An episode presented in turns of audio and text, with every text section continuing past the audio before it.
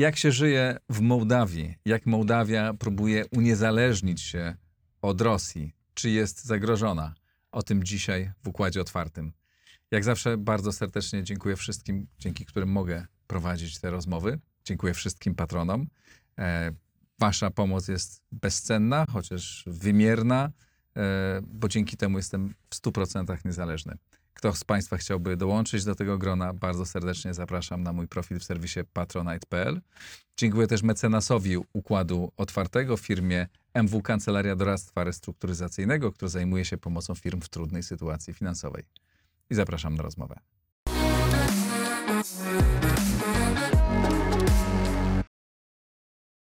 Maciej Woźniak, e, były szef PGNiG, a obecnie główny doradca firmy Energocom mołdawskiej. Witaj serdecznie.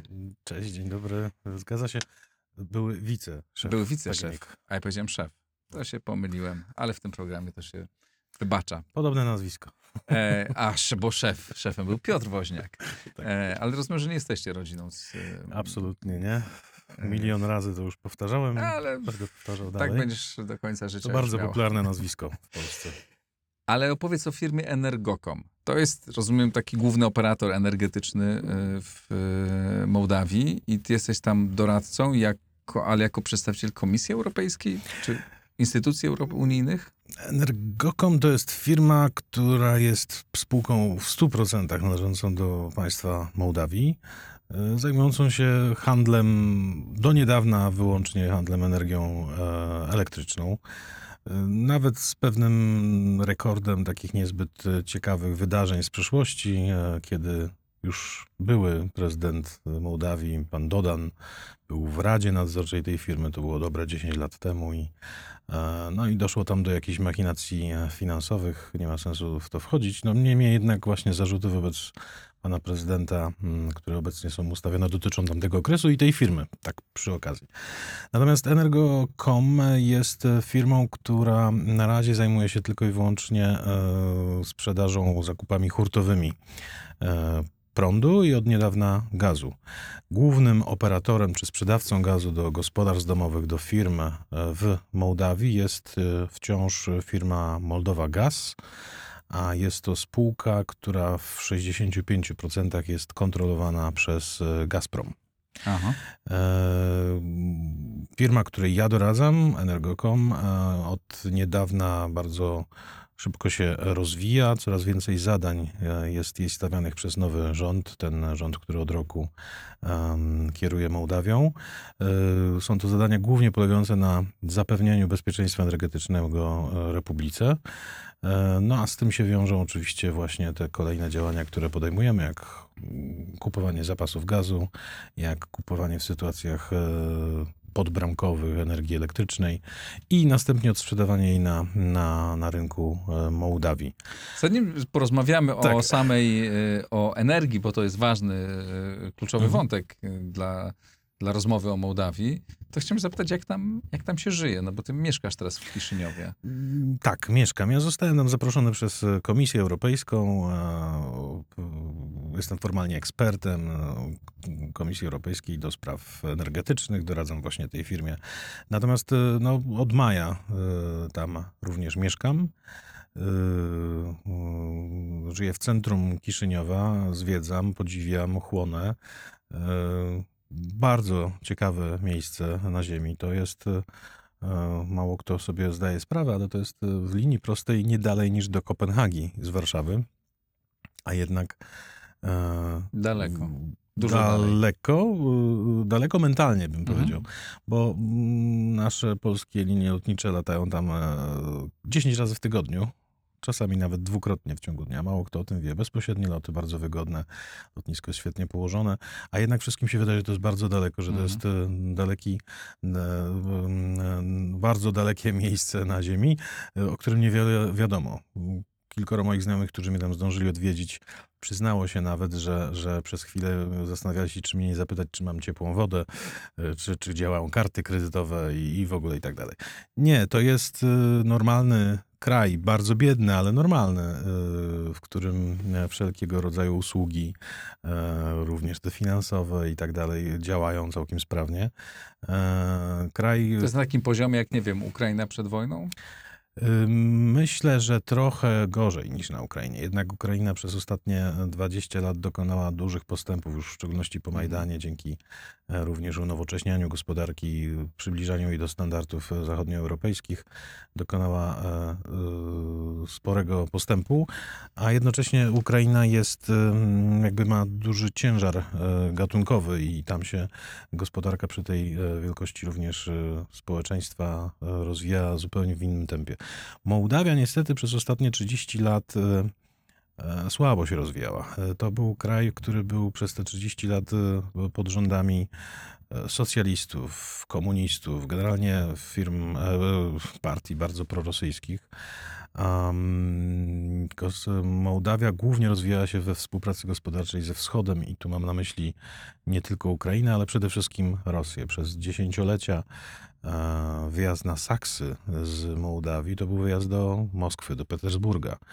E, Dopiero od paru lat, e, właściwie od właśnie rewolucji e, na Ukrainie, która spowodowała tam wprowadzenie obowiązków wizowych między Rosją a Mołdawią, ludzie zaczęli podróżować również po to, by pracować do Europy Zachodniej. I to między innymi bardzo zmieniło sytuację, bo Mołdawianie poznając Europę Zachodnią zaczęli rozumieć, czym jest Europa jako taka i, i, i, część z nich po prostu zwyczajnie zrozumiało, że to jest jedyny kierunek e, rozwoju, e, ciążenia, e, e, co przełożyło się na wynik e, właśnie ostatnich wyborów e, parlamentarnych, a jeszcze rok wcześniej na wynik wyborów prezydenckich, kiedy po raz pierwszy e, zdecydowaną większością wygrała mm, kandydatka sił e, absolutnie proeuropejskich, czyli pani e, prezydent Maja Sandu. Żyjąc tam, nie masz takiego poczucia, że to w każdej chwili to państwo może przestać istnieć? No bo do niedawno nam się wydawało, że no jak na małe państwo, nieważne, małe, duże, prawda, że granice są ustalone, nikt ich nie zmienia. No ale od pewnego czasu już wiemy, że je zmienia, a zwłaszcza w niektórych rejonach świata. W zasadzie dla Rosji, co wziąć taką Mołdawię, która jest rozumiem, prawie kompletnie pozbawiona wojska, to taki stryk. To, to, no, to faktycznie jest mały kraj. E, No, gdziekolwiek, e, e, skądkolwiek się w Mołdawii nie ruszy, jest około dwóch godzin do którejkolwiek z granic właściwie, albo do najbliższej granicy, może tak. Maksymalnie dwie godziny. To jest mały kraj, który nie ma sił zbrojnych właściwie żadnych, nie ma ciężkiego sprzętu wojskowego. Zresztą uznaje się za kraj neutralny, ma to wpisane w konstytucję, nie, nie należy do żadnego z mm, sojuszy wojskowych. E, To jest kraj bardzo pokojowo nastawionych do życia ludzi.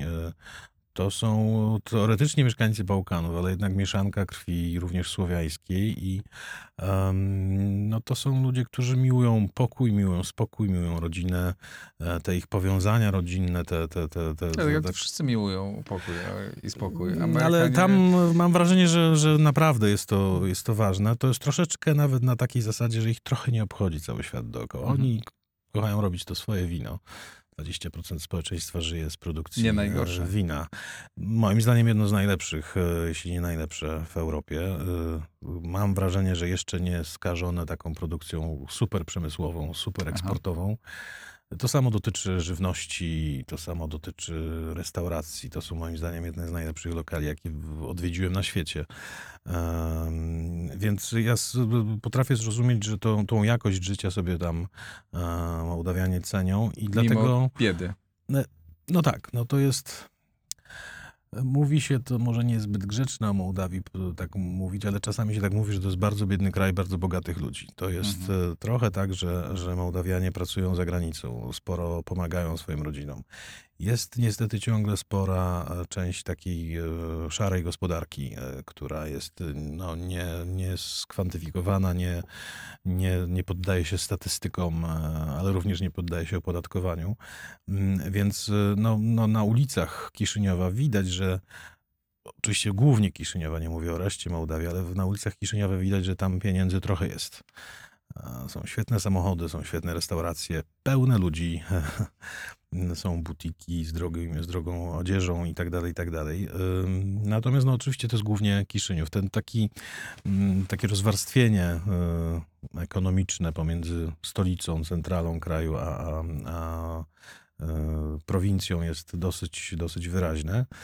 Y, Na pewno na tą sytuację wpływa również bliskość, e, znaczy bliskość, e, to, że, że mamy tam również ten separatystyczny region e, e, Naddniestrze, e, no, w którym e, nie ma żadnej kontroli państwo Mołdawia nad nim, e, więc tam... e, Inne in- państwo ma pełną kontrolę. E, Sporą, tak, Mhm. a jednocześnie zezwala na sporo, więc tam interesy są absolutnie nie do skontrolowania i tam te interesy są z pewnością bardzo ciekawe. Mówi się na przykład o tym, że to jest jeden, jeden z głównych hubów, kop, ko- jedna z głównych kopalni bitco, e, kryptowalut w. Europie, właśnie na Dniestrze. Naddniestrze. Tak, no skoro dostaje gaz za darmo od Rosjan, Mhm. e, a następnie z tego gazu produkowany jest prąd, e, którego sprzedaż tego prądu e, jest głównym dochodem tego regionu, no to w części ten prąd, ponieważ właściwie jest darmowy, służy również kopaniu kryptowalut. No a jest to robione oczywiście po to, żeby, żeby przerzucić część dochodów z Moskwy poprzez przewalutowanie na, na kryptowalutę w kierunku krajów arabskich i tak dalej. Więc y, no, no jest to taki trochę region mafijny, w tym sensie, że taki trochę rządzony poza wszelkimi zasadami. Y, I pieniądze stamtąd również płyną do, e, do Mołdawii. To zresztą było widoczne mm, zaraz po rozpoczęciu wojny, bo bardzo wielu mm, mieszkańców Naddniestrza posiada swoje jakieś już majątki, inwestycje w, w Kiszyniowie i, i przenosili się tutaj, uznając, że to jest trochę bezpieczniejsze miejsce niż samo Mhm. Naddniestrze. Więc ten kapitał, te pieniądze tam zarobione nielegalnie również wchodzą do, do Mołdawii. Więc w tym mieście y, wśród ludzi widać, że to nie jest zupełnie y, y, biedna, biedna populacja. Natomiast od strony tego, jak państwo samo się rozwija, to widać, że tych pieniędzy w budżecie nie ma. Y, Infrastrukturalnie y, to państwo nadal wymaga wielkich, potężnych inwestycji. Ale jeszcze Nam a propos ludzi, przepraszam, to, jest tak, Tak. jest duże, duże rozwarstwienie, to znaczy tak jak było na Ukrainie, że jest grupa oligarchów i widać te majbachy jeżdżące, widać było te majbachy Hmm. jeżdżące po, po ulicach, ale społeczeństwo było bardzo biedne? Czy Mm, to nie jest aż tak? Znaczy, mm, są tam oligarchowie. Oczywiście przez ostatni rok oni w większości pouciekali e, i siedzą gdzieś e, w Izraelu albo gdzieś na świecie, nie do końca wiadomo gdzieś stamtąd ciągle są aktywni, wspierają ruchy, protesty, e, opozycję. E, No mamy tam tą słynną aferę sprzed paru lat, kiedy wyprowadzono z systemu bankowego e, miliard euro. No jak na taki kraj to to był potężny cios. E, I e, no więc gdzieś te pieniądze oczywiście wśród tej najwyższej warstwy mm, oligarchów e, są. Może no nie, nie jest taka duża jak na Ukrainie, a już na pewno nie taka duża jak, jak w Rosji, ale są tam oligarchowie. Klasa średnia jest słaba.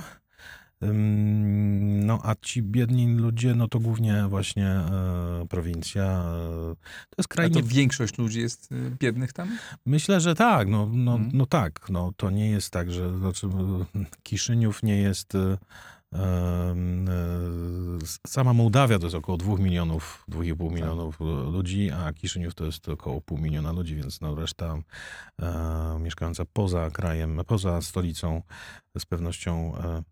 E, Wiesz, jak, e, jak miały te, po- miejsce te protesty na początku jesieni czy pod koniec lata, te pierwsze takie dotyczące właśnie sytuacji gospodarczej, cen energii, gazu, to przyjechało bardzo dużo protestujących. Faktycznie to było spore zaskoczenie. Potem się oczywiście dowiedzieliśmy, że oni w części byli, czy w dużej części opłaceni, w sensie zapłacono im za podróż do Kiszyniowa, za przebywanie w Kiszyniowie.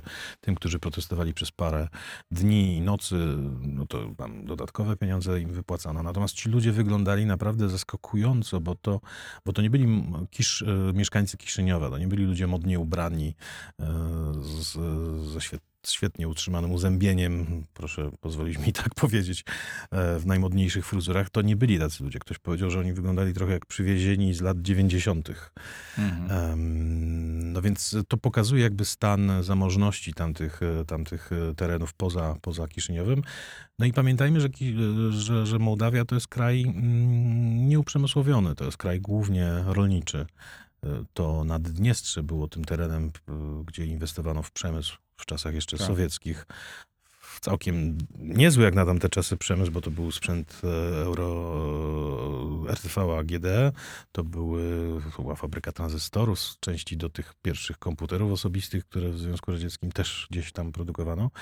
E, No więc tam był przemysł, tam, tam byli inżynierowie, tam była wyższa klasa taka techniczna, natomiast ta obecna demokratyczna Mołdawia to jest kraj rolniczy, Mm, więc no nie jest to najzamożniejszy na pewno kraj, natomiast część ludzi ma się świetnie z całą pewnością.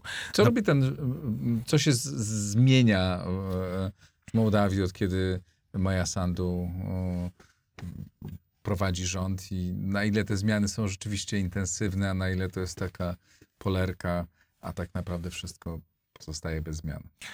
Y, Musimy pamiętać, że Maja Sandu y, startowała po raz drugi i dopiero za drugim razem wygrała te wybory. Za pierwszym razem mówiła tylko o mm, kursie proeuropejskim. To nie wystarczyło wtedy, żeby wygrać wybory. Druga kampania bardzo mocno akcentowała walkę z korupcją, e, walkę o uczciwość w życiu publicznym i, i, i to dopiero zadziałało. To znaczy widać, że społeczeństwo po latach obserwowania e, tych właśnie ciemnych interesów, e, korupcji i tak dalej na na najwyższych szczeblach władzy miało tego dość i, i wybrało siłę, która, która obiecuje i wdraża dosyć uczciwe zasady życia publicznego. No i co się zmienia? E, pr- Problem polega na tym, że, że ten nowy rząd, już wybrany też jakby siłą rozpędu po, wyborach, po wyborze pani e, prezydent Sandu, e, trafił w najgorszy możliwy moment, to znaczy trafił w największy kryzys gospodarczy, wywołany kryzysem energetycznym, wywołany wojną wywołaną przez Putina. Proszę sobie wyobrazić, że półtora roku temu jeden metr sześcienny gazu kosztował 4 leje i tak mniej więcej kosztował od lat. To był żaden koszt. Tam większość samochodów przemysłowych, ZIły, te dawne sowieckie ZIły, których tam jest ciągle sporo, napędzane są gazem ziemnym, z, silnikami CNG, bardzo taką wyrafinowaną technologią. Taksówkami są Priusy, też jeżdżące w części na gazie, w części na, na, na mm, jakoś, jako napędzane elektrycznie. E, No i wynikało to z tego, że po prostu gaz był bardzo tani. Po półtora roku gaz kosztuje 30 lei, czyli 7-8krotnie więcej niż to było półtora roku temu, co powoduje, że mm, część gospodarstw domowych, znakomita część gospodarstw domowych e, na, na prąd, na gaz wydaje czasami 60-70% budżetu domowego. No i rozumiem, że to ma skutki na, na wszystkim. No, Że oczywiście, oczywiście, oczywiście. No ale przede wszystkim e, jeszcze pogłębia to ubóstwo, no bo, mm, no bo jeżeli taka część wydatków idzie, idzie w kierunku utrzymania, po prostu opłacenia rachunków, no to na życie zwykłe już nie zostaje wiele.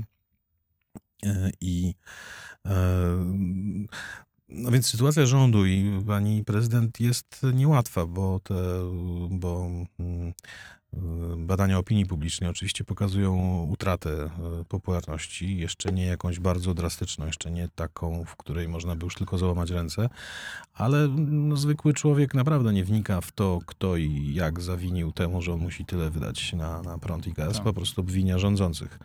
Paradoksem jest to, że ten rząd naprawdę za to nie odpowiada. Jest, jest y, uderzony przy okazji wojny na, na Ukrainie i uderzony przy okazji y, kryzysu, który zapanował w całej, w całej Europie. te reformy, które e, ten rząd wprowadza, to są to oczyszczanie życia publicznego, e, walka z korupcją, e, budowa systemu sądowniczego. To rzeczywiście działa, czy to są To są ciągle początki. Znaczy, to chciałem powiedzieć, że właśnie ten walka z kryzysem gospodarczym trochę y, przeciążyła dotychczasową Mhm. pracę. Myślę, że plany były trochę, dynamika zmian zaplanowana była trochę inaczej, ale niestety rząd musiał zająć się przede wszystkim kwestią no, absolutnie żywotną, czyli kosztami energii i ubóstwem z tym związanym. Natomiast oczywiście w tle y, reformy y, cały czas y, są prowadzone, może trochę wolniej niż planowano. Reforma sądownicza trwa. Tam jest taka specjalna instytucja, która weryfikuje sędziów, e, sprawdza ich, przesłuchuje i tak dalej. Natomiast no, jakby społeczny odbiór e, tego, jak działa system sądowniczy, jest ciągle bardzo, bardzo zły. Znaczy, społeczeństwo ma absolutnie świadomość, że sędziowie, prokuratorzy są skorumpowani, jeżdżą świetnymi samochodami, mają często potężne majątki poza granicami Mołdawii e, i jakby wszyscy niestety już biorą, znaczy przyjęli do wiadomości, że ten system tak wygląda i nie bardzo wierzą, że można go e, zmienić. E, W dodatku on bardzo przypomina ciągle taki system sowiecki. Tam, tam prokurator właściwie jest sędzią. E, Jeżeli prokurator czymś się zaczyna zajmować, no to już jest właściwie mogiła. I to już E, tak jest dalej. I ludzie, się, się nie tego, ludzie się tego boją. Znaczy, to się nie no, zmieniło mnie jeszcze. trudno ocenić, jak to się mocno zmieniło w ciągu roku. Mhm. Natomiast widzę, że wśród nawet moich współpracowników, z którymi tam e, działamy, że, że gdzieś ten taki podskórny strach ciągle przed, przed prokuratorem, który przyjdzie i sprawdzi i, zapyta i zada najdziwniejsze możliwe pytania, ale trzeba będzie na nie odpowiedzieć. Mm, Taki przykład mieliśmy tam e, e, właśnie wizytę prokuratorów w firmie, którzy zaczęli pytać o transakcje, pierwsze transakcje gazowe z zeszłego roku, z października. Mnie tam jeszcze wtedy nie było, ale może pamiętasz, tam po raz pierwszy Rosjanie za, zagrozili e, z, z obniżeniem dostaw, Ym, więc Mołdawia postanowiła, że spróbuje kupić ten gaz poza Rosją, między innymi z Polski, e, z Ukrainy. I po paru miesiącach prokurator się zjawił i, i zadał pytanie w firmie, a po co wyście kupili ten gaz w ogóle? E, Kto wam kazał? E, Skąd wyszło takie polecenie? No chciałoby się mu odpowiedzieć, to spojrzyj do gazety z tamtego okresu i chyba wszystko będzie jasne, ale tak nie można mu odpowiedzieć. I on to pytanie zadaje na poważnie. No więc jest takie poczucie, że no na wszystko powinien być e, polecenie, bumaga, dokument, jakieś rozporządzenie rządowe i tak dalej, i tak dalej. Wykrzesać e, z tych ludzi taką własną inicjatywę nie jest najprościej i to nie Mhm. dlatego, że oni jej nie mają, tylko dlatego, że się trochę boją podejmowania własnych decyzji. To się zmienia. Młodzi ludzie, ludzie, którzy już e, dotknęli trochę zachodu, którzy byli na jakichś Erasmusach i tak dalej, studenci, są już zupełnie inni. Jakby nie mają tej, tej, tej, tej wyobraźni o tym, jak ten system może zadziałać przeciwko nim ciągle jeszcze istniejący system.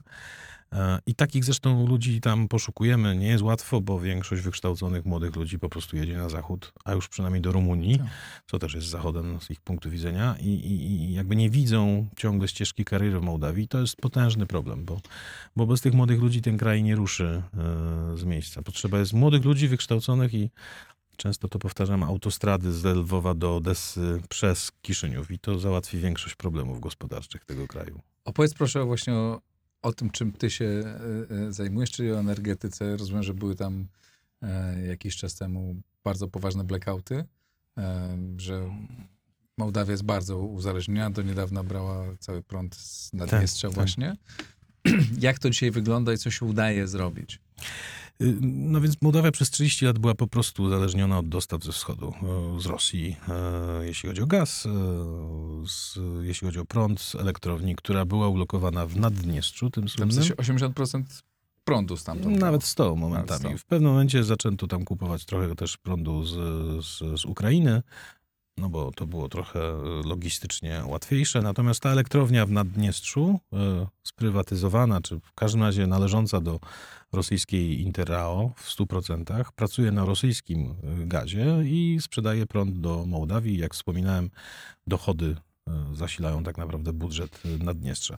I tak było przez dziesięciolecia. E, Energia była tania, gaz był właściwie za darmo, prawie za darmo, w każdym razie bardzo tani, rozwinął się bardzo szeroko. Tam gaz w Mołdawii jest w każdej wsi. Widać wszędzie te żółte gazociągi, zresztą poprowadzone na płotach, na elewacjach.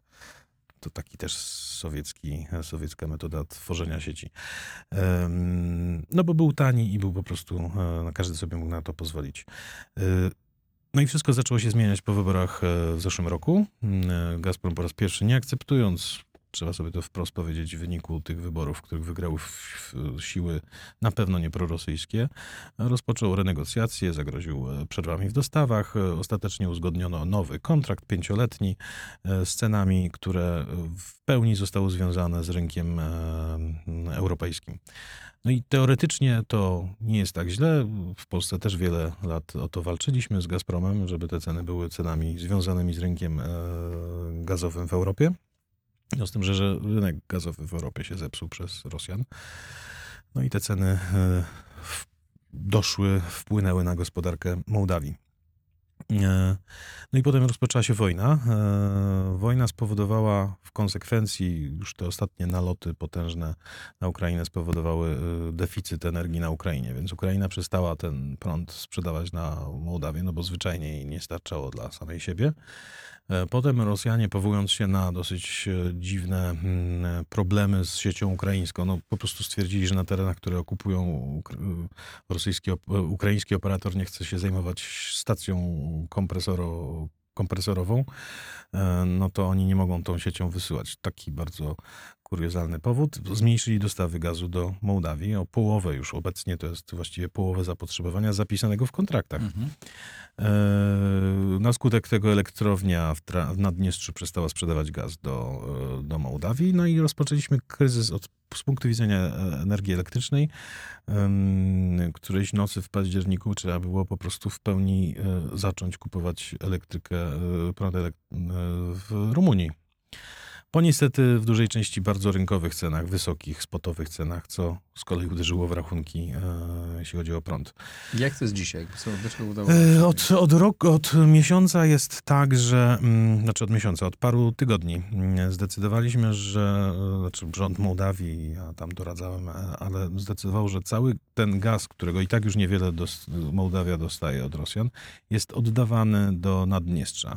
To Naddniestrze ma się rozliczyć z Gazpromem. Mołdawia, ta zachodnia, demokratyczna, nie bierze gazu z Gazpromu. E, Gaz, który potrzebuje prawobrzeżna Mołdawia, pochodzi z zapasów, które tworzyliśmy i kupowaliśmy na rynku europejskim od e, czerwca. E, Więc tak sobie poradzono z kwestią gazu. Jeśli chodzi o prąd, ta elektrownia w Naddniestrzu ponownie rozpoczęła sprzedaż, więc w części prąd w Mołdawii pochodzi z tej elektrowni, w części ciągle z importu z Rumunii. A blackouty? Blackouty wzięły się stąd, że po synchronizacji sieci tej e, dokonanej w takim pilnym trybie w marcu tego roku, e, no ten system z jednej strony umożliwił teraz import energii z różnych kierunków, ale z drugiej strony też się uwrażliwił jako całość. Więc e, w momencie, kiedy dochodzi do bombardowań w okolicy, w okolicy Odessy na infrastrukturę energetyczną, system przeciążony zaczyna się automatycznie wyłączać. I tak mieliśmy dwa razy w Mołdawii y, w ciągu ostatnich dwóch miesięcy, że no na kilkanaście godzin mm, zabrakło energii elektrycznej. Uwaga, y, no tam się od razu dzieje to w sposób masowy, to znaczy nagle w całym kraju nie ma energii. W całym kraju.